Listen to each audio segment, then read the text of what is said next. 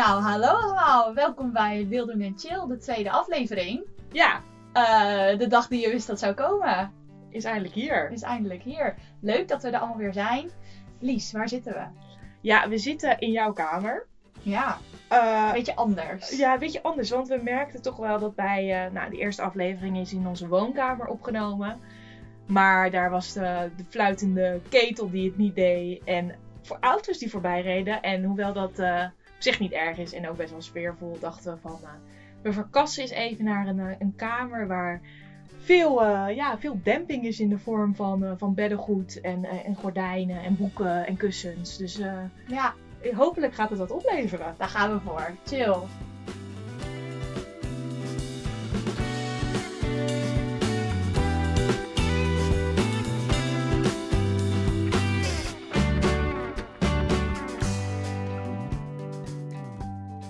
De eerste aflevering best wel leuke reacties gekregen. Superleuk. hè? Ja, gewoon eh, ja, super lief. Dus dank jullie wel daarvoor. Het is ook best wel veel geluisterd. Een keer of honderd, denk ik. Ja. Ehm, dus dat is top. En we hopen natuurlijk dat dat bij de tweede aflevering ook gebeurt. En dat het alleen maar meer gaat worden. Ja, En leuk om te horen dat er mensen zijn die speciaal gaan lezen. Ook in de boeken die we aandragen en behandelen. Dus keep on the good work. Ja, en ik denk dat het mooiste compliment is dat we meerdere keren gekregen hebben. Alsof, het, eh, alsof mensen gaven aan dat ze het gevoel hadden eh, bij ons op de bank of, eh, of aan de eetkamertafel. ja, dat gevoel dat ze daar dus ook bij zaten. Ja. En nou, een mooi compliment kunnen we niet krijgen wat mij Nee, betreft. precies. Hopen dat we dat vandaag weer voor Ja, elkaar krijgen. nou. Ja, we gaan het hebben over Alleen op de Wereld van Hector Malot. Eh superleuk. Dat hebben we allebei gelezen. Ik had hem sowieso al een keer gelezen. Je hebt hem voor het eerst gelezen. Ja, maar het is- was altijd een boek wat echt al vanaf dat ik jongs af aan eh, zoiets had van... Oh, alleen op de wereld moet ik echt een keer lezen. Ik weet nog wel dat ik een vriendinnetje had die echt idolaat was van het boek toen ik elf was of zo. Ja. Eh, dus ja, dit boek speelt al wel heel lang in mijn leven dat ik denk van... Oh ja, moet ik eens lezen. Ja, moest nog gebeuren. Nou, wat mooi dat dat dan nu gebeurd is tijdens kerst. Want het is ook echt wel een beetje, ja, toch een beetje een kerstverhaal. Misschien omdat het een beetje feel-good is. Eh, omdat er Eh. sneeuw in voorkomt. Eh, omdat het Nou ja, gaat. het gaat over waarde en over hoe ben je mens in relatie tot een ander. En ik denk dat, we, dat je daar eigenlijk heel het jaar bij stil moet staan. Maar bij kerst merk ik altijd bij mezelf en bij andere mensen om me heen dat dat toch wel eh, meer speelt. Ja. Dat je daar ook gevoeliger voor bent. En, Ja, tof. Ja. Eh, Een beetje achtergrondinfo over de schrijver. Ja. Want dat had jij de vorige keer ook. En dan voel ik me heel erg uitgedaagd om dit ook te doen. Ik weet natuurlijk niks van de schrijver, dus ik heb alles moeten opzoeken over deze man.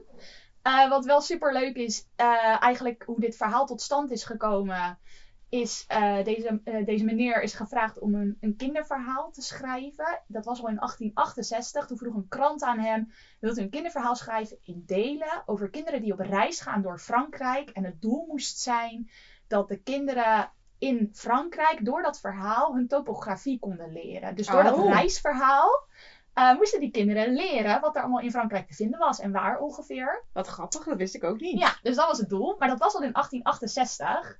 En er is van alles gebeurd, allemaal tegenslagen. Er kwam de, eh, die Frans-Pruisische oorlog of zo. In, in, in, wanneer was dat nou? 1870 of zo dan? Nou ja, ik heb dit van, ik weet dit, ik noem nu wat. Hè, dus ik hoop dat ik het goed zeg. Check de feiten. Maar 1870. Wa- Waarschijnlijk gaan we op onze Instagram nog het nodige rectificeren. Ja, gaan deze aflevering. DM sliden. Dit is niet oké. ja. Ja, nou ja, we geven geen geschiedenisles, toch? Nee, precies. In ieder geval, er was een oorlog. En in die oorlog is hij heel veel van zijn manuscript kwijtgeraakt, wat hij al had geschreven. Eh, dus moest hij opnieuw beginnen. En tegelijkertijd heeft hij ook een deel ingeleverd bij de krant. En die was het niet eens met wat hij had geschreven. Want hij had een soort avonturenverhaal gemaakt. Met kinderen die avonturen beleefden. Maar de krant zei, wij willen brave kinderen. Wij willen eh, niet dat er zulke ongehoorzame kinderen in voorkomen. Nou, toen heeft hij eigenlijk een beetje gebroken met de opdracht van de krant. Omdat die eh, Hector dacht, ja, alles goed en wel. Maar ik ga een avonturenverhaal schrijven. Dus toen is het allemaal een beetje veranderd en is uiteindelijk alleen op de wereld ontstaan. En dat heeft hij uiteindelijk ook geschreven voor zijn dochtertje Lucie. Lucie was tien jaar. En eh, bij alles wat hij schreef dacht hij, zou Lucie dit leuk vinden? Eh, hoe zou Lucie dit vinden? Zou Lucie hierom moeten lachen? Zou zij dit spannend vinden? En dat vroeg hij dan ook aan haar, dat liet hij aan haar lezen. Wat dan- cool. Ja. Ik hou altijd van, eh, van dwarsdenkers. Ja. Mensen die een beetje eh, de status quo tarten hier en daar. En dus dit boek heeft hij ook gewoon zelf uitgegeven daarna. Dus hij heeft helemaal die krant eh, laten liggen. Hij heeft de krant laten liggen. Ja, hoe dat verder precies is uitgegeven. Ja, volgens mij wel heeft hij dat uiteindelijk zijn verhaal aangeboden ergens anders. En is dat toen uitgegeven in 1878. Eh, Dus nee, het kwam wel in een krant. Het kwam in een. Ik, ben dit, ik heb dit nu opgezocht. Het Hm. kwam, kwam in een krant. Dus uiteindelijk niet. Oh, het was in eerste instantie voor een tijdschrift voor kinderen. Mhm. Dus ik rectificeer het begin gelijk, maar het was voor een tijdschrift voor kinderen. Daar kwam het uiteindelijk niet in. Het kwam uiteindelijk in een grote krant. En het werd zo'n succes dat het daarna als boek werd uitgegeven. En daarna ook weer werd vertaald. Maar goed, dat was dus allemaal pas in 1878. Dus er is tien jaar overheen gegaan. Ja, nou een beetje de Peter Buwalda van, eh, van Frankrijk. Ja, nou. Ik heb echt, wel. mijn stem slaat helemaal over, maar Ja. ik stikte bijna in een, in een, een, eh, slok water. Nou, ik Sorry. zou dat ook hebben van Peter Buwalda. Ja. Hallo. Ja, nee, cool. Ja. Wat goed. Dus dat over Hector Malot. Oké. Eh, alleen op de wereld. Daar hebben we weer stellingen bij. Stellingen. Stellingen. Oké. En die eh, heb jij deze week eh, voorbereid. Die heb ik deze week voorbereid. eh, met heel veel liefde. Dus ik hoop dat we, dat we er lekker over kunnen kletsen. Eh, de eerste stelling is een beetje voortgekomen uit het feit dat Alleen op de Wereld voor kinderen is geschreven. Eh, is een beetje het idee. Eh, maar ook eigenlijk heel veel wordt gelezen door volwassenen. Maar ja, goed, daar kunnen we van alles van vinden. Dus de eerste stelling is eigenlijk: Alleen op de Wereld is meer een kinderboek dan een volwassen boek. Ja. Ehm, dat vind ik wel. Ja. Althans, ik vind het als volwassene superleuk om dit boek te lezen. Maar je merkt toch wel aan het taalgebruik eh, dat het eh, ja, voor kinderen is. En hoe Dus- merk je dat dan? Nou, eh, het is natuurlijk vanuit het perspectief van Remy. Ehm, nou ja, dus dat is best wel kinds. En er zitten heel veel lessen in die volwassenen hem geven. Vooral Vitalis, waar hij mee reist in het begin. Ja. En die, die lessen zitten hem soms in hoe Vitalis leeft en doet. Maar Vitalis vertelt hem ook best wel veel. Ja.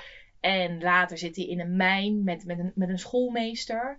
En die vertelt hem ook heel veel. Ja. Ehm, en ook, eh, het gaat heel erg over gedrag. En hoe verhoud je je tot andere mensen. En eh, bij wijze van spreken van ja, een ander mens dom noemen maakt jou niet slimmer. Weet je wel, dat soort moralistische eh, dingen zitten daarin. En ik zeg niet dat ehm, volwassenen daar niet van zouden kunnen leren. Alleen merk je wel dat het echt gericht is op, op het opgroeien van een kind. En op een kind eh, onderwijzen. Ja. Dus in dat opzicht ben ik het er wel mee eens dat het een kinderboek is. Een opvoedkundig kinderboek? Ja, een opvoedkin- eh, opvoedkundig kinderboek. Ja. En, eh, maar heel erg leuk om voor, voor volwassenen ook om te lezen. Ja. Ja. Ja. Ja, ik kan me daar goed in vinden. Ehm, het is natuurlijk zo dat het verhaal is überhaupt best wel kinderlijk. Wat jij zegt, het is door de ogen van Remy geschreven. Remy is een vondeling. Die groeit op eh, bij een arme moeder, een arme vrouw eigenlijk. Haar man is weet ik veel waar aan het werk, Parijs. Is eigenlijk niet thuis. En als hij op een gegeven moment onverwachts thuis komt, dan is er wat heibel tussen die man en die vrouw. En dan vangt Remy op dat hij een vondeling is. Dus heel lang weet hij dat niet. Hij denkt dat dat zijn echte moeder is, maar dan blijkt hij vondeling te zijn. En dan inderdaad eh, wordt hij verkocht aan Vitalis door zijn vader. In de hoop dat dat hem nog wat oplevert. En dan vanaf het punt van Vitalis reist Remy Frankrijk rond. En eh, ontmoet hij allemaal andere mensen. Zoals jij zei, komt hij in een mijn terecht. Eh, hij belandt bij een tuin, tuinman, soort van Ja. eh, waar die aan de slag gaat. Ehm, dus ja, het verhaal is inderdaad door de ogen van Remy en de dingen die hij meemaakt, die avontuurlijk zouden zijn. Met ehm, dieren die kunstjes kunnen, of vastzitten in een, in een mijn en daar toch weer uit ontsnappen. overnachten in de winterse kou. Eh, is allemaal ook wel een beetje een kinderlijke vorm van avontuur, denk ik. Ik denk als we een avonturenfilm voor volwassenen zien, dat het wat heftiger is. Ja, nee, eens. Ja. Ja. En wat ik wel het mooie vind, is dat het dus opvoedkundig is. Dus, nou ja, wat ik al net zei, Vitalis vertelt hem best wel veel. Maar op een gegeven moment sterft Vitalis en dan moet Remy alleen door. En Ja. dan, nou ja, hij komt dan eh, nog in een gezin terecht, maar daar mag hij twee jaar blijven wonen. Dan heeft hij het heel fijn, maar dan moet hij ook weer door, omdat eh, die vader dan natuurlijk eh, naar de gevangenis moet. Dus ja, dit dan- is die soort tuinman. ja, die tuinman. En dan ontmoet hij dus weer een jongetje wat hij al eerder ook in, in zijn, ja, op zijn reis is tegengekomen. In. Parijs, ja, in Parijs, Mattia. En eh, dat wat ik dan merk is dat Mattia eigenlijk dan het, het, het bange jongetje is, eh, eh, verdrietig is. En Remy was dat eerst ook. Maar je merkt dan dat Remy zich echt een soort opwerpt als de oudere. En nee, het komt wel goed. En je mag met mij meereizen. En dan zegt die jongen van, ik wil wel met je meereizen als knecht. En dan zegt hij nee, niet als knecht, maar als gelijkwaardige. Dus als Ja. vriend. Ja. En dan zie je opeens dat Remy zoveel stappen heeft gemaakt in ook, nou het is nog steeds een kind. Maar hij is wel volwassener Ja. dan dat hij was toen hij met Vitalis mee moest. En juist dat jongetje was wat niet tegen lange wandelingen kon. En eh, echt van Vitalis nog moest leren. Dus dat op een gegeven moment merk je van, oh ja, eh, die jongen is opgevoed. Hij En- wordt vitalis. Ah, bij wijze van spreken wel. En eh, zeg maar al die kennis en die, die, nou ja, die adviezen die hij mee heeft gekregen. En die lessen die hij geleerd heeft. Dat heeft hij echt geïnternaliseerd. En daar, ja, daar, daar doet hij wat mee. En dan straalt hij ook, vind ik, best wel veel kracht uit. En rust. En hij kent zichzelf goed. En uh, nou, vond ik mooi om te zien. En in dat opzicht merk je van ja, het is een opvoedkundig boek. Ja. Uh, ik moest zelf een beetje denken aan een Disney-film misschien. Hoe, hoe, zie je, hoe zie je dat? Een Disney-film, omdat het ook het verhaal is vaak kinderlijk. De toon is een beetje kinderlijk voor kinderen. Maar de lessen uh, en de thema's zijn wat universeler, ook voor volwassenen. In de Disney-films worden natuurlijk ook veel grapjes gemaakt waar je als volwassene goed om kan lachen.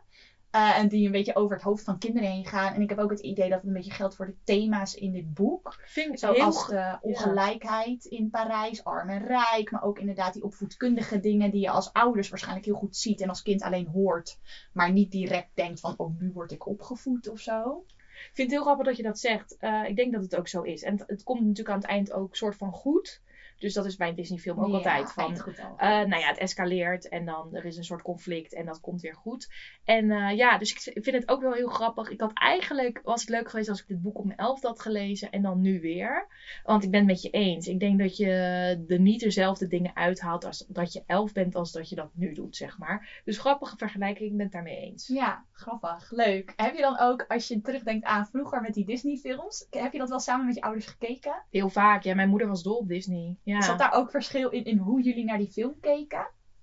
Uh, ja, mijn moeder vond andere dingen mooi en leuk dan ik. Ja. Uh, die vond ook andere, bepaalde liedjes bijvoorbeeld heel mooi. Waarvan ik dan een beetje die balladachtige liedjes bijvoorbeeld. Ja. Die vond zij dan heel mooi. En dan, uh, ik hield meer van een beetje de actie en een beetje die pop-up nummers. En later merk je, snap ik wel waarom zij... nou, je haalt er gewoon als volwassene andere dingen uit. Ja. ja. Uh, ja, grappig. Ja. ja. leuk. Ja, ik kan me dat ook nog wel uh, herinneren. Ik kan me niet herinneren per se dat ik dit met mijn ouders heb gezien en dat zij dit anders dan dat zij anders reageerden. Maar wel dat je dit dat je vroeger bepaalde films hebt gezien. Uh, en dan dat later nog een keer kijkt. En dan ineens vooral inderdaad heel veel dingen ook ergens best wel grappig vindt. Terwijl je het vroeger niet per se grappig vond. Dan waren Nee. het gewoon serieuze verhalen Ja. die je zag. Maar om, om even, ik moest net even, je gaf, vroeg aan mij van hoe zat dat vroeger en toen kon ik niet gelijk een voorbeeld bedenken, maar ik heb er nu, uh, Komt u? nou een voorbeeld wa- waar ik gewoon heel erg met mijn moeder dus in uh, uh, verschilde. Als we Ja. naar, als we naar de film Mulan, Disney film, uh, vonden wij allebei echt fantastisch en ik denk dat dat allebei een van onze lievelings Disney films was. Powervrouwtje. Ja, nou ja, mijn uh, lievelingsstukjes uh, waren de grapjes. Of dat lied I'll Make a Man Out of You. Dan, dat gaat over dat zij dan in dat leger... nou ja, dat zij gehard wordt. En ja, zo van... Ik, dat, dan gaat die legeraanvoerder die, die mannen allemaal trainen. En Mulan doet zich voor als man. Dus nou ja, het zijn allemaal zwakkelingen. En dan in dat uh, uh, lied wordt ook heel mooi. Worden ze dus allemaal een soort van ook sterker en volwassen. Een soort tijdsverloop zit daarin. Ja. Maar aan het eind van Mulan, uh, dan ziet, ziet ze haar vader weer. En dan brengt, haar, brengt ze haar vader het zwaard waarmee ze gevochten heeft voor haar land.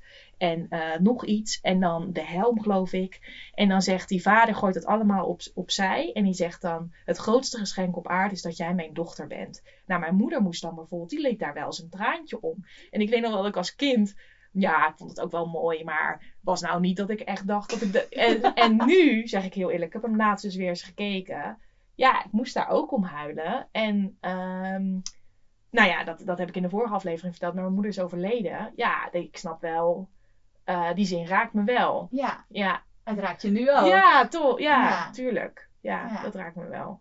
Dus dat is grappig. En eh, omdat ik denk van als je als ouder kijk je gewoon weer en je hebt kinderen, dan eh, raakt dat je veel meer dan natuurlijk een, een leuk liedje. Terwijl je als kind dat juist heel leuk vindt. Dus eh, ja, grappig. Ik denk dat het met dit boek hetzelfde is. Ja, de zwaardere thema's uit het leven gaan een beetje over je heen als je nog jong bent. En als je ouder bent en je bent er een aantal keer mee in aanraking geweest, dan pik je die eruit. En eh, Ja.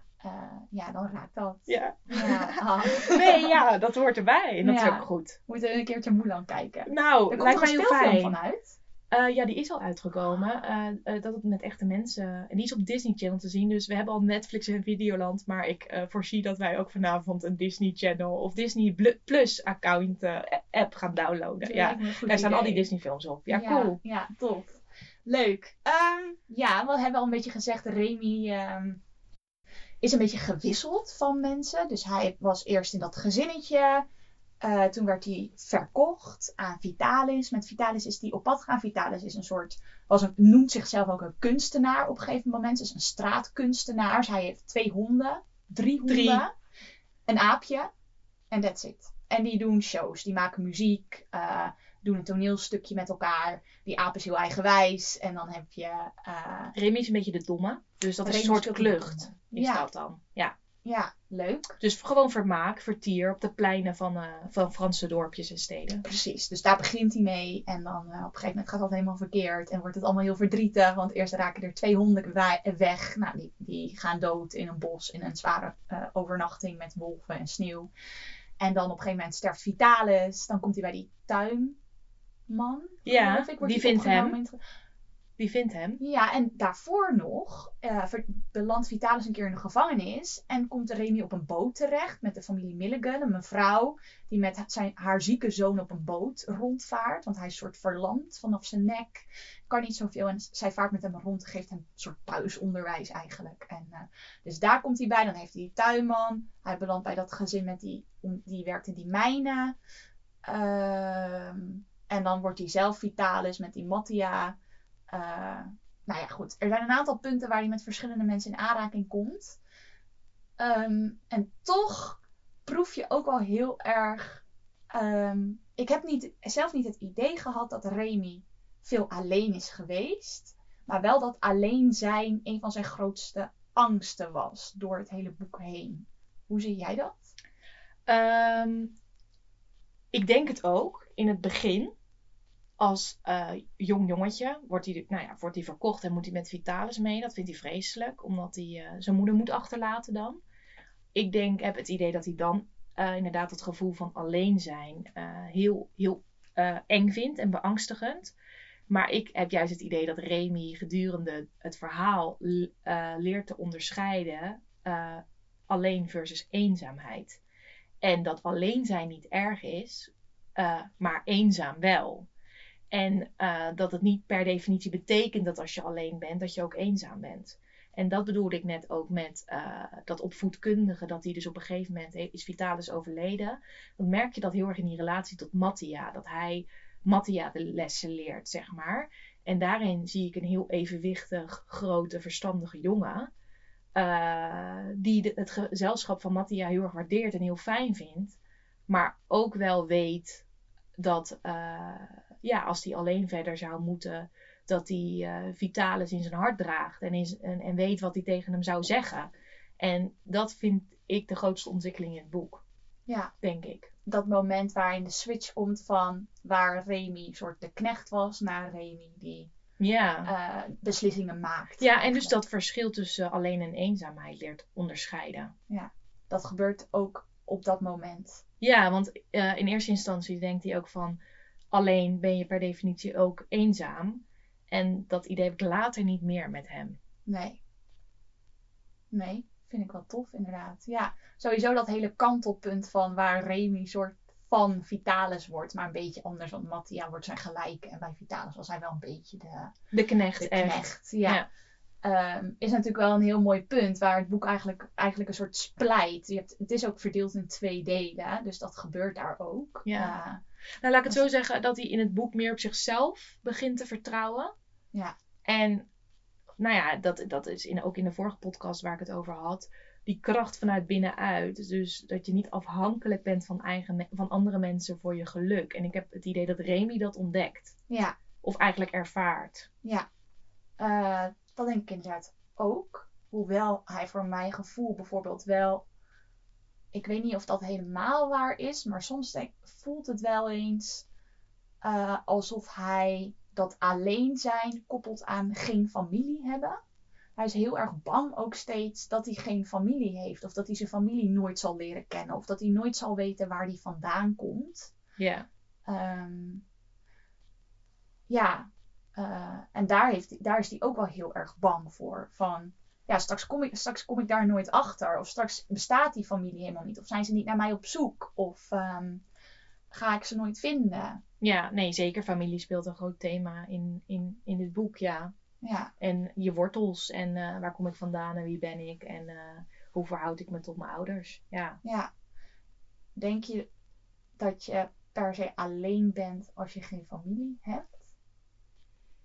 Mm, nee, maar ik denk wel dat dat eenzaam kan voelen. Je, ben, ja, je bent niet per se van het alleen zijn, associeer ik met echt dat je niemand kent en spreekt. En als je wel vrienden spreekt of met mensen optrekt, ben je nooit alleen, snap je? Ja. Maar ik denk dat het wel eens ontheemd en alleen eenzaam kan voelen als je weinig contact of geen contact met je familie hebt. Een beetje ontworteld. zo. Ja, tuurlijk. Want je contact met vrienden is ook wel weer anders dan Ja, familie. Op een gegeven moment noemt die Mattia ook wel echt een, een... Dan noemt hij familie. Dit is mijn broer, zegt hij dan. Mhm. Dat zegt hij ook in het begin bij die Arthur Milligan op die boot. Die zieke jongen op die boot. Dat blijkt uiteindelijk ook daadwerkelijk zijn broer te zijn. Mevrouw Milligan blijkt uiteindelijk zijn moeder te zijn. Dus dat voelde als familie en dat was ook familie.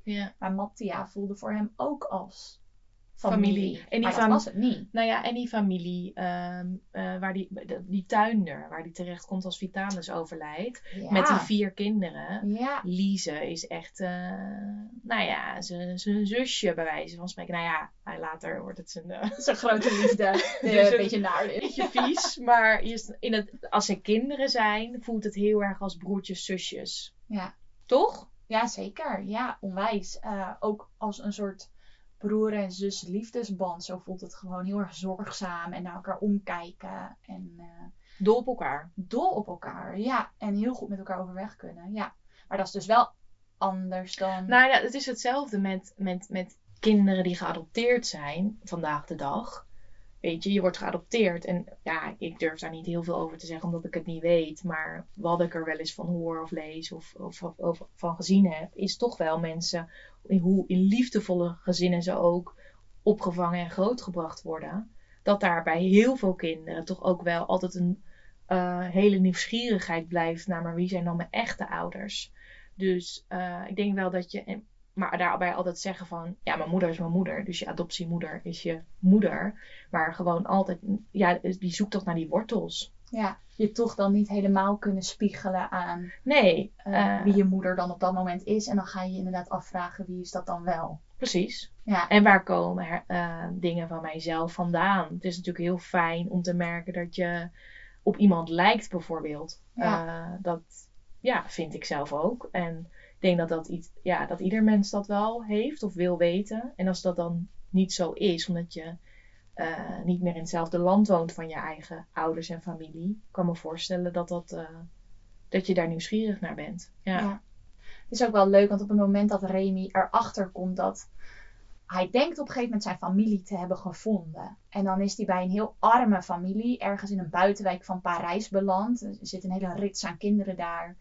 En eh, die moeder blijkt alcoholist te zijn, of die vrouw blijkt alcoholist te zijn. Die kinderen worden steeds erop uitgestuurd om te stelen. Het is in Londen, denk ik, of niet? Oh, Londen. Ja, ja, precies. Ja. Dat was in Londen. Ja. Wordt erop uitgestuurd om te stelen. Ehm, en Remy voelt wel dat hij anders is en daar niet bij hoort. Hij voelt zich niet op zijn gemak.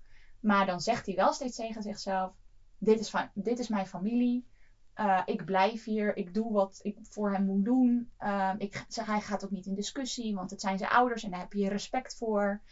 Ehm, En hij zegt ook tegen Mattia van ga dan weg, want die is ook mee. eh, zo van, joh, jij hoeft hier niet te blijven, maar dit is mijn familie en eh, ik doe dat wel. Dus ik denk dat je daarom, dat je die loyaliteit heel erg ziet. Daarna, ja, en ook gewoon het accepteren van, ja, dit zijn de mensen waar ik dus bij hoor. En Ja. daar kan de hele wereld wat van vinden, maar eh, ik vind er zelf ook wel wat van. Maar toch, weet je, Ja. eh, Terwijl dat toch dan ook niet goed voelde. nee. En dat hij dan later bij de Milligans komt. Dat was natuurlijk in het begin merkte je dat al. Maar dat hij daar later echt bij komt. Dan eh, ervaart hij echt van. Oh ja, dit voelt ook als familie. Of zo. Dingen vallen ineens op zijn plek. Van hemzelf ook. Als hij naar die mevrouw Milligan, dus zijn moeder, kijkt. En naar zijn broertje Arthur. Ik heb ook het idee dat dingen een beetje op zijn plek vallen voor hem. Dat daar ook rust komt. Van, oh ja, ik begrijp nu waar ik vandaan kom. En ehm, eh, ja, ook waarom ik bijvoorbeeld die mooie kleren aan had toen ik werd gevonden. Het blijkt gewoon een rijke familie te zijn. Eh, ja, zijn intelligentie misschien ook ergens wel. Die die natuurlijk bij die moeder Barberin, waar die begon. Die pleegmoeder, die mevrouw die hem gevonden heeft. Ja, dat was gewoon een, eh, een, een, een arme vrouw op het platteland. Die had Ja. niet de intelligentie en de Nou ja, in het begin niet, hè. Toen eh, was er wel boter en flensjes, maar op een gegeven Ja, moment... maar wel in ehm, kleine mate. Ja. Toch, dat was wel een feestje dat zij flensjes ging maken. Dat was niet iedere dag ruimte nee, voor. iedere week geloof ik, iedere vrijdag. Tot de koe weg was. Ja, want die, die man verliest zijn baan dan in Parijs. Ja. En dan slaat het noodlot Ah, toe. Ja, dat, ja, Ja. dat is ook zo. En op een gegeven moment is de koe dan weg. Die heeft hij dan verkocht voor geld. Nou, dan is er geen melk meer. Dus Nee. geen flensjes meer. In ieder geval, ik vind dat mooi. Dat dingen dan op zijn plek vallen op het moment... Dat het eigenlijk dus al in het begin van het verhaal gebeurt. Maar aan het eind heel expliciet. Omdat we dan weten dat dat zijn familie is, die Milligans. Ja, Ja, dat het dan echt op zijn plek valt of zo. nee, dat is zeker mooi. Ja. Ehm, dat leidt eigenlijk een beetje naar de derde stelling. Eh, die derde stelling is: ik ben overduidelijk een kind van mijn ouders. Nou ja, eh, eh, wat vind jij daar zelf van? Ja, ik denk wel als je mij naast mijn ouders ziet, dat je kan, als je zeg maar een stuk of vier paar ouders zou hebben om uit te kiezen en je moest maar ergens bij plaatsen, denk ik wel dat je de goede ouders zou kiezen. Ja, Waarbij ik denk ik op het eerste gezicht het meest op mijn moeder lijk. nou dat kan ik beamen. Een prachtige vrouw. Ja, als je die naast elkaar zet, eh, zie je overduidelijk eh, ja, dat jullie op elkaar lijken. Dat Ja. je iets van haar hebt, absoluut. ja, dat dat mijn moeder is. Terwijl, eh, als je het weet, ik heb de eh, fysiek sterke bouw. Ik ben best wel sterk gebouwd, atletisch gebouwd. Dat is een beetje wel meer mijn vader. Ja, Mijn moeder is wat fragieler gebouwd, zeg maar. Dus dat is dan weer, maar dat, omdat mensen naar elkaars gezicht kijken, eh, denk ik dat de eerste reactie is: Oh, ja, het is heel duidelijk dat je bij je moeder hoort. Maar als je dat weet, dan is het ook heel duidelijk dat daar ook die vader bij hoort. Dus ja qua uiterlijk zeker, ja. En qua innerlijk? Ehm, ja, Eh, ik denk wel dat je daarvoor, dat is natuurlijk, ik kan dat heel goed zeggen. Voor een ander dat denk ik, dus waar je qua uiterlijk, waar een ander mij daar ook bij zou kunnen plaatsen. Qua innerlijk moet je denk ik jezelf heel goed kennen en je ouders heel goed kennen voordat dat kan. Maar ja, ik ben echt, eh, ik kan zoveel dingen van mezelf plaatsen bij zowel mijn vader als mijn moeder, zeg maar. Ik kan bijna alles bij een van beide kwijt. Ik heb natuurlijk ook echt eigen dingen. Al is het alleen al omdat ik van beide wat heb, dus dat wordt een mengeltje. Maar eh, ja, eh, zeker. Van beide heb ik wat. Grappig. Maar is, dat, is het eh, gelijk verdeeld? Of heb je dat je denkt, nou, ik sla toch wel het meeste uit? Of zeker vroeger bijvoorbeeld. Eh, ze zeggen ook wel eens dat kinderen het meest trekken naar ouders waar ze op lijken. Ja, nou dat weet ik niet per se. Ik denk namelijk dat qua eigenschappen, dat misschien de eigenschappen van mijn vader misschien wat meer de boventoon voeren bij mij. Ik heb wel heel veel van mijn moeder ook. Eh, ik denk dat ik van mijn moeder heel erg bijvoorbeeld het sociale heb. En het benaderbare, het open. Dat mensen naar jou kijken en denken: Oh, met jou ga ik kletsen. Ja, het laagdrempelige. Ja, precies. Of eh, jou ken ik goed, jij vertelt veel. Terwijl uiteindelijk denk ik de boventoon voert dat ik eh, bijvoorbeeld emotioneel helemaal niet zo open en benaderbaar ben. En dat is misschien wat meer mijn vader. Eh, ja, gewoon ook zelf niet zo goed in touch met hoe, hoe, wat ik dan voel en wat ik dan vind. Dus daar kan ik mezelf ook heel erg mee in de weg zitten. Maar ik heb het gevoel dat mijn vader dat ook wel heeft. En dat mijn moeder daar juist gewoon oprecht ook echt opener in is. Oh ja. Ehm, en mijn vader is ook gewoon heel erg eh, Een doener. Een doener. En dan ben jij ook. Ja, dat heeft mijn moeder ook wel hoor. Ah, ja, ja. Maar bij mijn vader is het denk ik nog weer wat meer dat hij ook niet zomaar de hulp van iemand vraagt. En dat gewoon zelf wil doen. Nou, dat heb ik ook heel erg. Ik denk Ben wel je dat? Nee. dat ben ik. Ik denk erger dan mijn vader nog weer. Bij mij is dit in het extreme. Ik wil alles zelf doen. Ehm, en eh, mijn vader is heel erg gewoon oké met zichzelf. Gewoon ook om volgens mij op zichzelf te zijn. Maar ook gewoon met wie die is als persoon. Dat is gewoon wie die is als persoon. En Ja. dan, wint hij ook niet per se doekjes om. En daar is hij gewoon ook oké mee voor mijn gevoel. En dat ervaar ik bij mezelf ook wel. Het is, dit is wie ik ben. En daar kun je het mee doen. En eh, dan hoop ik dat je dat leuk vindt. En anders, ja, Take Is it or leave it. ja eigenlijk wel een Ja, beetje. mooi. Dat Daar vind ik altijd hele mooie eigenschappen van mensen. Ja, Gewoon heel, eh, ja, eh, hoe zeg je dat? Eh, ja, ongecompliceerd. dat is het denk ik wel. Ja. Ja. Ja. Niet dat je dan geen onzekerheden hebt of Nee, zo. dat bedoel ik ook niet hoor. Maar ehm, wel gewoon, Nou ja, letterlijk, dit is wat het is. ja, En dat ben je zelf oké mee. En eigenlijk de mensen met wie je omgaat, eh, verwacht je daar dat ook van. eigenlijk wel. Ja, ja. ja. Cool. En jij?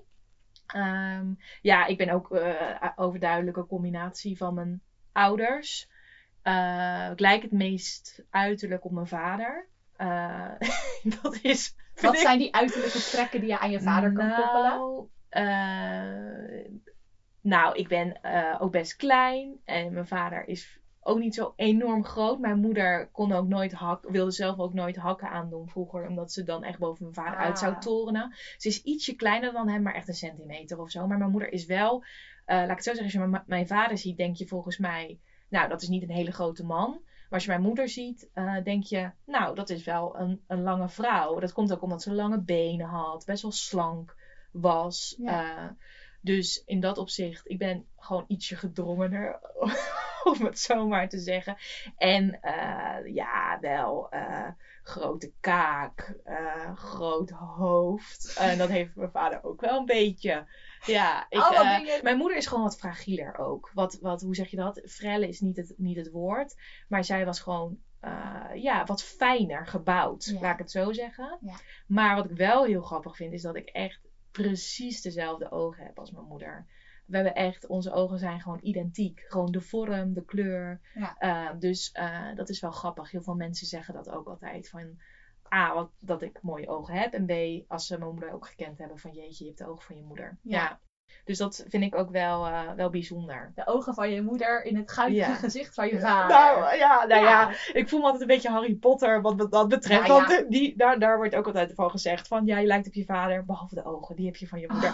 Dus daar, in dat opzicht, eh, nou, dat vind ik prima. Ja. Dat is precies wat het is. Je bent Ja. Harry Potter. Ja, en qua innerlijk, eh, dat is wel grappig. Vroeger bij ons in het gezin, ik heb een oudere broer, eh, werd altijd een beetje wel zo ge... Nou, dat waren we eigenlijk alle vier wel mee eens. Van, ik leek op mijn vader en Freek leek op mijn moeder. Of lijkt op mijn moeder.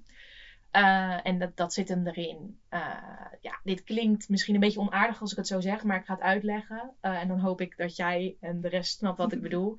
Mijn broer en mijn moeder zijn gewoon enorm snelle denkers. Ehm, en nu klinkt het echt alsof mijn vader en ik. Het is zo half ja, alsof wij. eh, maar dat is echt niet waar. Maar wij hebben gewoon ietsje meer bedenktijd nodig. In sociale situaties, maar ook eh, soms wel eens gewoon iets praktisch. Mijn moeder was ook super praktisch, analytisch. Ehm, en dat spreek ook. En dat zie je gewoon, die hebben echt een halve seconde nodig. En dan weten ze, oké, zo gaan we het doen. En dit is er voor nodig. En mijn vader en ik komen daar ook wel. Maar wij hebben gewoon even ietsje langer de tijd voor nodig om dat soort dingen op een rijtje te zetten. Dus daarin merkte ik het vroeger vooral. Ja. ja, en gewoon mijn vader en ik hebben wel echt hetzelfde humor. Wij konden wel echt heel erg onderbroeken lol gewoon hebben. En mijn moeder zag dan soms ook wel zo vanuit de ooghoek kijken van... Oh no. ja. Ja. Ehm, ook, weet je wel, van de week ook met kerst dan gaan we Monopoly doen. En mijn vader en ik liggen gewoon dan heel de tijd in een scheur met z'n tweeën om echt hele stomme grappen, woordgrappen. En eh, ja, dingen die, die er gebeuren. En eh, weet je wel, hij kocht heel veel eh, op. Dus ik zei op een gegeven moment van ja, wil je dan ook dat ik je Prins Bernhard ga noemen? Want die koopt natuurlijk, Ja. Den- die koopt heel Amsterdam op. Nou, dat vindt mijn vader een geweldige grap, weet je wel. Dus dat is, ja, ik vind hem zelf, geef ik hem een eh, vijf en een half. Maar Nee, jij maar maakt ook goede grappen. Nou Dus ja, jij maar een goed, mijn vader heeft dat ook. Dus in dat opzicht, en gewoon best wel een beetje druk doen. Zeker vroeger kon ik echt wel een beetje baldadig ook worden. Ja. En dat had, heb ik ja, gewoon onderbroeken lol, hard lachen, grappen maken. Dat is echt wel, eh, eh, ja, mijn vader en ik, zeg maar. Maar ehm, ja, ik, sinds ik werk, en dat is nu bijna drie jaar, eh, nou ja, kom ik erachter dat ik meer op mijn moeder lijk dan ik ooit gedacht had eigenlijk. En ook wat zij misschien geweten heeft. Ja. En ik vind dat toch wel heel bijzonder. En af en toe schuurt dat ook, omdat je ook wel zo graag eh, het zou willen delen en het willen laten zien. Van hé, hey, dit ben ik ook, weet je wel. Ik bedoel, ja, dit zit eh, er ook nog in. dit zit er ook in. En dat, dat heb ik mezelf mee verbaasd. En ik denk dat ik haar daar misschien ook wel eh, mee verbaasd zou hebben. Eh, in hoeverre we dan toch wel wat meer af en toe op elkaar leken dan dat we vroeger altijd dachten. Ja. Ik zeg niet dat we helemaal vroeger niet dachten dat we op elkaar leken. Want het sociale en het ook wel het invoelende vermogen van het empathische, dat had mijn moeder heel sterk. Heeft mijn vader, nou ja, vindt dat, kan dat ook. Maar ik denk dat ik dat meer van mijn moeder eh, heb. Ja. Maar eh, dat is toch wel, eh, ja, wel bijzondere ervaring geweest de afgelopen drie jaar. Ja. Ja. Ja, dus een schurende ervaring. Enerzijds heel mooi dat je dat ontdekt voor jezelf nu. Maar anderzijds jammer Ja. dat je dat niet meer kan, daadwerkelijk kan spiegelen aan je moeder en kan laten zien of Ja. vragen. Of, Kijk, nou ja, de mensen die mij goed kennen weten dat ik veel bezig ben met feminisme. En eh, daarover schrijf en nou ja, daar veel, eh, veel mee doe. Nou ja, dat is niet zo dat dat er al tien jaar in zit. Eh, dat heb ik echt wel, ook wel, is wel de laatste drie jaar dat ik daar me in verdiept heb en veel over aan het lezen ben en daar dat ook ja, veel mee bezig ben. En eh, ja, ik kom er, kom er gewoon achter dat mijn moeder ook eigenlijk gewoon een zieke feminist was. Iets waar ik gewoon niet zo bij stil had gestaan tien jaar geleden. Terwijl nu eh, ze daar eigenlijk niet meer is, eh, denk ik echt bij heel veel dingen van. Ja, jeetje, jij, jij beviel van Freek, je werkte en je accepteerde gewoon niet dat je eruit zou vliegen na je zwangerschap. Omdat je, dat was de mores in die tijd, weet je wel. Ja. werkte op een basisschool en je werd zwanger en je, ja, je keerde niet terug.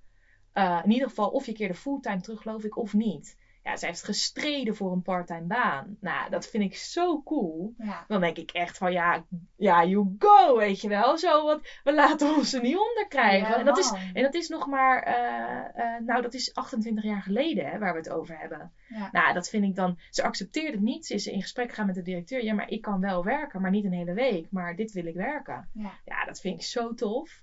En zo heb ik nog gewoon veel meer voorbeelden waarin zij echt, eh, nou ja, eh, mij echt wel les heeft meegegeven van, eh, weet je, je doet geen dingen tegen je zin in. Je mag er zijn. eh, of me altijd het gevoel gegeven dat ik gelijkwaardig was aan Freek. Dat ik dezelfde kansen kreeg, dat ik die moest pakken. Maar ja, dat, dat niets te gek was. En dat ik alles kon worden als ik daar zelf maar gewoon hard genoeg mijn best voor deed, weet je wel. Ik bedoel, als het vroeger bij ons thuis ging over wat wil je worden na de middelbare school, dan keek mijn moeder me aan en zei ze, nou, als jij veel geld wil verdienen, dan moet je zorgen dat je arts of advocaat wordt. Maar Ja. niks over, daar dan trouw je maar een rijke vent. Nee. Nee. Eh, ze zei, heeft ook voor haar dood nog tegen me gezegd van... eh, zorg dat je altijd onafhankelijk bent. Financieel, maar ook in relaties. Ja. Dat je altijd ergens uit kunt stappen als je niet meer gelukkig bent. En dat is gewoon... Ja, ik vond dat toen bijzonder dat ze me dat gezegd heeft. En maar dacht ook wel een beetje van... Ja, dat komt, ja, weet je wel zo. En nu zijn die woorden zo waardevol voor me. Ja. Ik denk, ja, en dat was ja, autonoom en onafhankelijk. Zo typeer ik haar toch wel. En eh, ik vind het bijzonder dat ze me dat eh, mee wilde geven. En volgens mij gaat dat best aardig. Maar Het gaat supergoed. Die dingen die je net over haar vertelde, denk ik, nou dat had jij zo kunnen zijn. En ik denk misschien ook wel, kijk, ik weet dat natuurlijk niet. Maar misschien dat jouw moeder dat ook echt, echt al wel in jou heeft gezien. Ik denk dat moeders meer zien dan wij weten. Ja. Maar dat je zelf bij ouder worden het beter gaat kunnen aanwijzen ook zelf. Misschien. ja, nou, ik vind dat, vind dat dus moeilijk zelf. Als Ja. ik terugkijk op die jaren, denk ik. Nou, ik was, het was, ik was best wel conservatief. Nou, conservatief. Ik was wel een beetje van huisje, boompje, beestje in mijn puberteit. Nou, of gewoon groen. Ja, dat, is het ook nog wel weer anders. Ja. Ja En en hadden we het al over de Ja. vorige keer. Wij waren gewoon groen. groen, ja, dat zou kunnen. Ja. Naïvig misschien. Ja, ja je moet, 20 jaar zijn heel vormend natuurlijk. Ja. Eh, om ook een beetje te ontdekken wie ben ik en wat wil ik. Ja. Ja. Maar ja, dat vind ik moeilijk. En de, af en toe kwam me daar ook wel eens in verliezen dat dat, eh, dat dat heel verdrietig is. Dat je dat niet meer weet of nooit meer kan vragen of niet meer kunt delen, niet meer kunt laten zien. Maar ehm, nou ja, het troost me op dit moment dat ik weet van, eh, nou, ze weet het ergens wel inderdaad. Of eh, Ja, ja, dat denk ik wel. En anders kijkt ze mee, toch? ja, Ja, daar ga ik ook altijd een beetje ik uit. ook. Ja, ik weet verder ook niet zo waar ik in geloof. Maar dat is iets waar ik in ieder geval een beetje troost en hoop uit kan halen. Af Ja. en toe. Ja, Ja, mooi man. Ja. Ook wel heftig, maar wel, ehm, of heftig, maar Ja, eh, nou ja, ja. verdrietig natuurlijk. Maar dat is het altijd een beetje. ja. Ja. dat hoort ook bij. En, Dat eh, hoort er ook bij. Nou ja, en alleen op de wereld, eh, Ja. dat, dan triggert je weer even om daarbij stil te staan. En dat, Ja, is, eh, bij dat moet. En dat is goed. Ja, Ja. ja, tof. Super mooi. Dan denk ik dat we het hier ook gewoon een beetje bij gaan laten. Ja, nou, we Ehm, zijn sowieso door de stellingen heen. Dat sowieso, ja. En we gingen het wat korter houden deze keer, dat ook. En dit is gewoon een mooi, mooi einde, denk ik. Je hebt mooie dingen verteld en eh, dat is gewoon waardevol. Daar kunnen we het bij laten. Ehm, we gaan het nog wel koppelen, alleen op de wereld, aan iets anders. Ja. Eh, zoals we dat beloofd hebben dat iedere keer te gaan doen. Waar wil jij het graag aan koppelen? Wat heb je gevonden, bedacht, ooit gezien, gehoord? Nou, ik moet heel eerlijk zeggen dat ik hierin ging en dat natuurlijk voor mezelf bedacht had. Wij, wat wij altijd doen is dat we het niet tegen elkaar vertellen eigenlijk. Nee. Eh, wat we dan, eh, nou ja, we weten, hey, dit moet gekoppeld worden. Maar wij horen dat nu vandaag voor het eerst elkaar. Allemaal één grote verrassing, ook voor ons. Ja, en ik heb één ding had ik bedacht, maar tijdens dit gesprek ben ik om een tweede ding gekomen. Dus ik vroeg me af, ben jij er oké mee als ik twee dingen doe? Daar ga ik mij heel even boven buigen. een momentje, alstublieft. De jury gaat zich even beraden. Ja, ik heb even overleg gepleegd en eh, ja, we gaan het gewoon doen. Ja? Ja. Oké, de eerste is heel kort. Dat, die had ik eigenlijk bedacht. Eh, dat is het liedje Hand op Hout van Claudia de Brij. Dat liedje eh, ken ik een paar jaar en is super mooi. En heeft zij volgens mij voor haar zoon of voor haar zoons geschreven. En dat gaat erover dat je als ouder nou ja, bang bent. nou ja, niet bang bent, maar dat je, je kind is klein, die gaat opgroeien. Weet je wel, zo van, dan zingt ze van, ik hoop dat je, dat je altijd uitkijkt in het verkeer. Dat je alleen rookt op feestjes. eh, dat je zo zacht blijft als wie je bent, maar wel eh, ja, de wereld leert kennen, zeg maar. En eh, nou, prachtig lied. En op een gegeven moment zit er een zin in het lied. En dat is ehm, dat, ze, dat ze hoopt dat jij ook de fouten kunt vergeten, vergeven die wij ook hebben gemaakt. En dat vond die zin eh, een paar jaar geleden triggerde me zo erg dat ik dacht: ja, volgens mij is dat het moment dat je volwassen bent geworden. Dat je eh, dingen van je ouders, want eh, in de gelukkigste families gebeuren er dingen. en zijn er dingen misschien die je niet leuk vindt van je ouders of die ze niet goed gedaan hebben. Maar het moment dat je dat kunt vergeven en daar dus ook zonder wrok naar kunt kijken en gewoon kunt denken van... Hé, hey, ja, dat was zo. Mijn ouders hebben hun best gedaan. Het lukte niet altijd. Of dit hebben ze, konden ze misschien anders doen. Volgens mij is dat het moment dat je volwassen bent geworden. En ik vond dat, die zin is prachtig. Dus het lied Hand op Hout van Claudia de Brij. Ik eh, ga hem noteren en we gaan hem natuurlijk noemen. Ik Ja. heb het nooit gehoord. Nee? Oh. Nee, Het is, heel eh, het is heel grappig. Er zitten hele, eh, nou, hele herkenbare dingen in. En ook nuances. Zo van, weet je wel, dat je ook voor, later goed voor jezelf zorgt. En ja, zo wat je je kind eigenlijk gunt en wenst. Als die opgroeit. Ja. Mooi. Dan eh tweede, en dat is de serie eh, In de Beste Families van Koen Verbraak. Die is heel deze week op tv uitgezonden. En waarin hij spreekt met moeders, eh, maar ook met hun dochters. En Koen Verbraak kennen we van, van de series Kijken in de Ziel, waarin hij met beroepsgroepen in gesprek gaat. Dus militairen, rechters. Eh, maar nu, daar is hij mee gestopt een paar jaar geleden. Trouwens, al die series zijn echt een aanrader. Jij bent ook groot fan van hem, Het- hè? het is, en aan- eh, in hoe die interviewt Ja, zo, absoluut. Dat is mijn voorbeeld. Ja, Gaaf. ja echt, eh, echt geweldig. Ik heb ook weer deze week gewoon ook met die bril naar hem gekeken. Ja, hij is, hij is fenomenaal. Hij krijgt mensen, hij krijgt dingen los uit mensen. Gewoon omdat hij ook zo'n aardige indruk heeft. Maar terwijl hij ook heel scherp kan interviewen. Want als iemand een antwoord geeft, dan zegt hij, dat was mijn vraag niet. Weet je wel? Dus maar wel dat je denkt, oh ja, Ja. hij pakt ze wel aan. Ja. Maar hij is dus twee, een jaar geleden de serie In de Beste Families begonnen. Vorig jaar ging het over broers en zussen. En nu gaat het over moeders. En dan spreekt hij dus echt een breed palet aan moeders.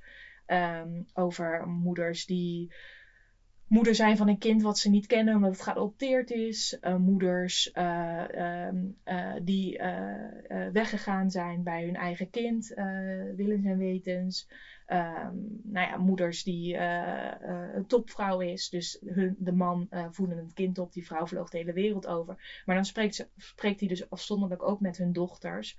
En als je een indruk wil krijgen van hoe gecompliceerd familierelaties zijn, in dit geval dus moeder-dochter, uh, dan moet je echt kijken. En ik heb hier, uh, ja, uh, misschien verbaast het jullie niks na deze uitzending, waar ik natuurlijk ook wat heb laten zien. Maar ik heb daar erg hard om moeten huilen af en toe. Ja. ja. en het laat ook zien hoe, hoe dik die band is, weet je, waar we het net ook over hadden. En de loyaliteit die je ook naar je ouders voelt. Ja. Maar die ouders niet andersom niet altijd naar kinderen voelen. Nou, het is heel, heel bijzonder. Dus die serie was afgelopen week op tv. Is nu terug te kijken van de NTR's, die geloof ik. Ja. Nee, ja, NTR. Ja. Leuk. Oké. Okay. Klinkt mooi. Klinkt inderdaad ook uh, alsof het een tranentrekker is ergens. Dus ik ben benieuwd. Ga ik ook kijken. Komt ook op de lijst. Maar die muziek gaan we zo eens even luisteren gelijk. Dat is natuurlijk appeltje eitje. Um, ja, waar ging ik het zelf aan koppelen? Ik vond het best wel moeilijk. Uh, gingen wat verschillende dingen door mijn hoofd. De vorige keer heb ik natuurlijk een documentaire getipt. En ik zou zo weer twee documentaires kunnen tippen. Maar ik ga het even niet doen.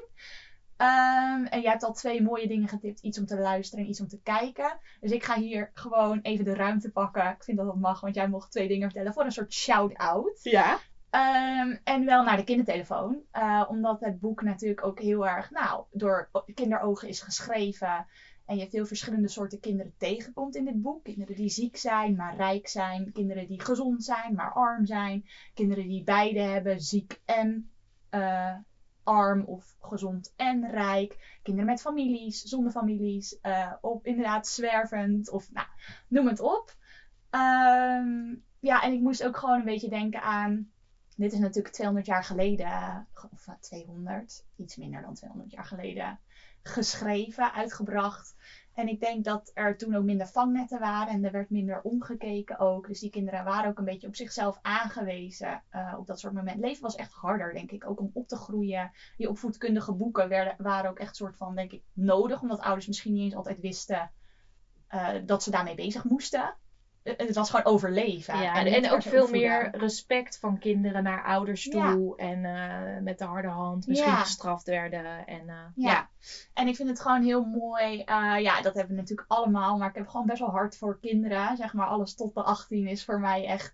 ja, maar je moet er wel even bij zeggen: jij bent vrijwilliger voor de, bij de kinderen. Ja, ik werk daar zelf. Ja. Of vrijwillig daar zelf. Ja, ik vind dat heel erg leuk om te doen. En ik vind het gewoon prachtig werk dat er gedaan wordt. Omdat er met superveel passie door een hele rits vrijwilligers die daar echt veel vrije uren in stoppen.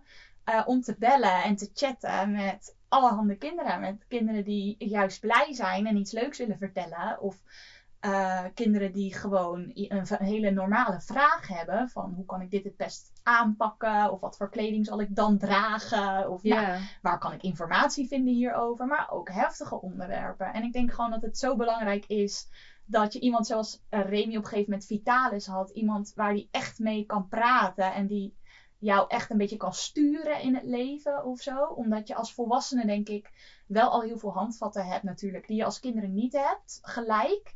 Maar dat betekent niet dat je als kind daar niet zelf op kunt komen. Je hebt alleen iemand nodig die jou stuurt, die jou aanmoedigt, die jou de juiste vragen stelt. Of eens wat aanbiedt. Precies, ja, die jou in de goede richting uh, zet. Van die kant moet je op of daar moet je even kijken. Nou, en dan is het precies wat de kindertelefoon doet. En het is zo leuk om te doen en het is zo goed dat het er is. En dus iedereen, als je nog op zoek bent naar... Hoe, Vrijwilligerswerk. Ja. ja. hoe besteed ik uh, drie uurtjes in de week is het ongeveer. Ik doe ze vaak s'avonds, want ik werk ook gewoon fulltime. Uh, maar hoe kan ik drie uurtjes in de week goed besteden? Dan uh, kan ik je zeker aanraden om eens te kijken of er een vestiging bij je in de buurt is. En of je daar zou willen vrijwilligen. Want het is, ja, volgens mij hebben we nu veel vrijwilligers door corona. Maar dat zal ook weer afnemen, want er zitten ook veel jaar, zeg maar mensen die er een jaartje zitten die studie psychologie doen. Maar echt, eh, nou, shout-out en eh, Ja, kijk nou- eens of je daar wat voor kan betekenen. Ja, Nou, je, je weet, ik vind het ontzettend tof dat je dat doet. En ik ben ook echt trots op je. Ja, Ja, dat, ja, nee, dat heb ik wel eens eerder gezegd. En dan denk ik van ja, je, je werkt ook fulltime, maar ja. het is, ik vind het ook heel leuk. Dus maar je ook kan echt je iets. Maar betekenen voor een ander. dat is het wel. Ja, ja, en dat is mooi. Dat geeft altijd een fijn gevoel. Precies. Ehm, nou, einde in principe van einde, punt. Brilliant. Wat is dit nou weer? Dat ga- zegt ze einde. In ieder geval, dit was wel klaar. wat was de tweede aflevering. Ja, maar we gaan al eventjes vooruitkijken naar aflevering 3. We hebben een nieuw boek gekozen. Ja. Spannend. We gaan weer even tromroffelen. Het is een beetje zachte tromroffel, want we zitten hier op elkaar gepropt. Lies, wat is ons derde boek voor aflevering 3? Ja, wij gaan eh, Lieke Marsman lezen. Een eh, schrijfster van nu, kan je wel zeggen. En eh, het boek heet Het tegenovergestelde van de mens. Ja. En het zijn zowel verhalen als gedichten en eh, een, een- ja, een wat pittiger boek. Eh, ja, wat minder rode lijn zoals we dat tot nu toe hebben gehad. Ehm, het is misschien ook wat minder. Het voelt misschien wat minder fictief, maar het is nog steeds wel fictie. Ehm, ja, Lieke Marsman is gewoon. Ik vind haar echt een heldin. Ik heb ook haar gedichtenbundel. Zij schrijft in principe veel poëzie, maar dit is dan een soort essay-achtig roman. Het is van alles door elkaar. Eh, ja, ik vind haar geweldig. En ik ben gewoon heel erg benieuwd wat jij ervan vindt als we dit gaan lezen. Ja. want wederom heb jij dit boek natuurlijk alweer gelezen. En moet ik weer bijbeunen de komende twee weken. Maar eh, dat komt helemaal goed. Ja, hij is, hij is minder dik dan eh, alleen op de wereld. Dat, dat, dat, dat was echt doorbuffelen. Ja. Maar eh, Hij is snel te lezen. Ja. Het is mentaal even werken om er doorheen te komen, om dingen echt te kunnen omvatten. Maar hij is snel uitgelezen. Dus ook als jullie weer op zoek zijn naar een nieuw boekje, dit kunnen jullie in twee weken lezen. En dan luister je gewoon weer met ons mee ja, over nou twee superleuk. weken. Ik eh, ben heel benieuwd wat we, wat we daaruit gaan halen. Ik ook. Ja. Ik heb er nu al zin in. Nou, heel graag tot dan. Ja, biertje. Biertje. Oké. Ciao, ciao. Doei!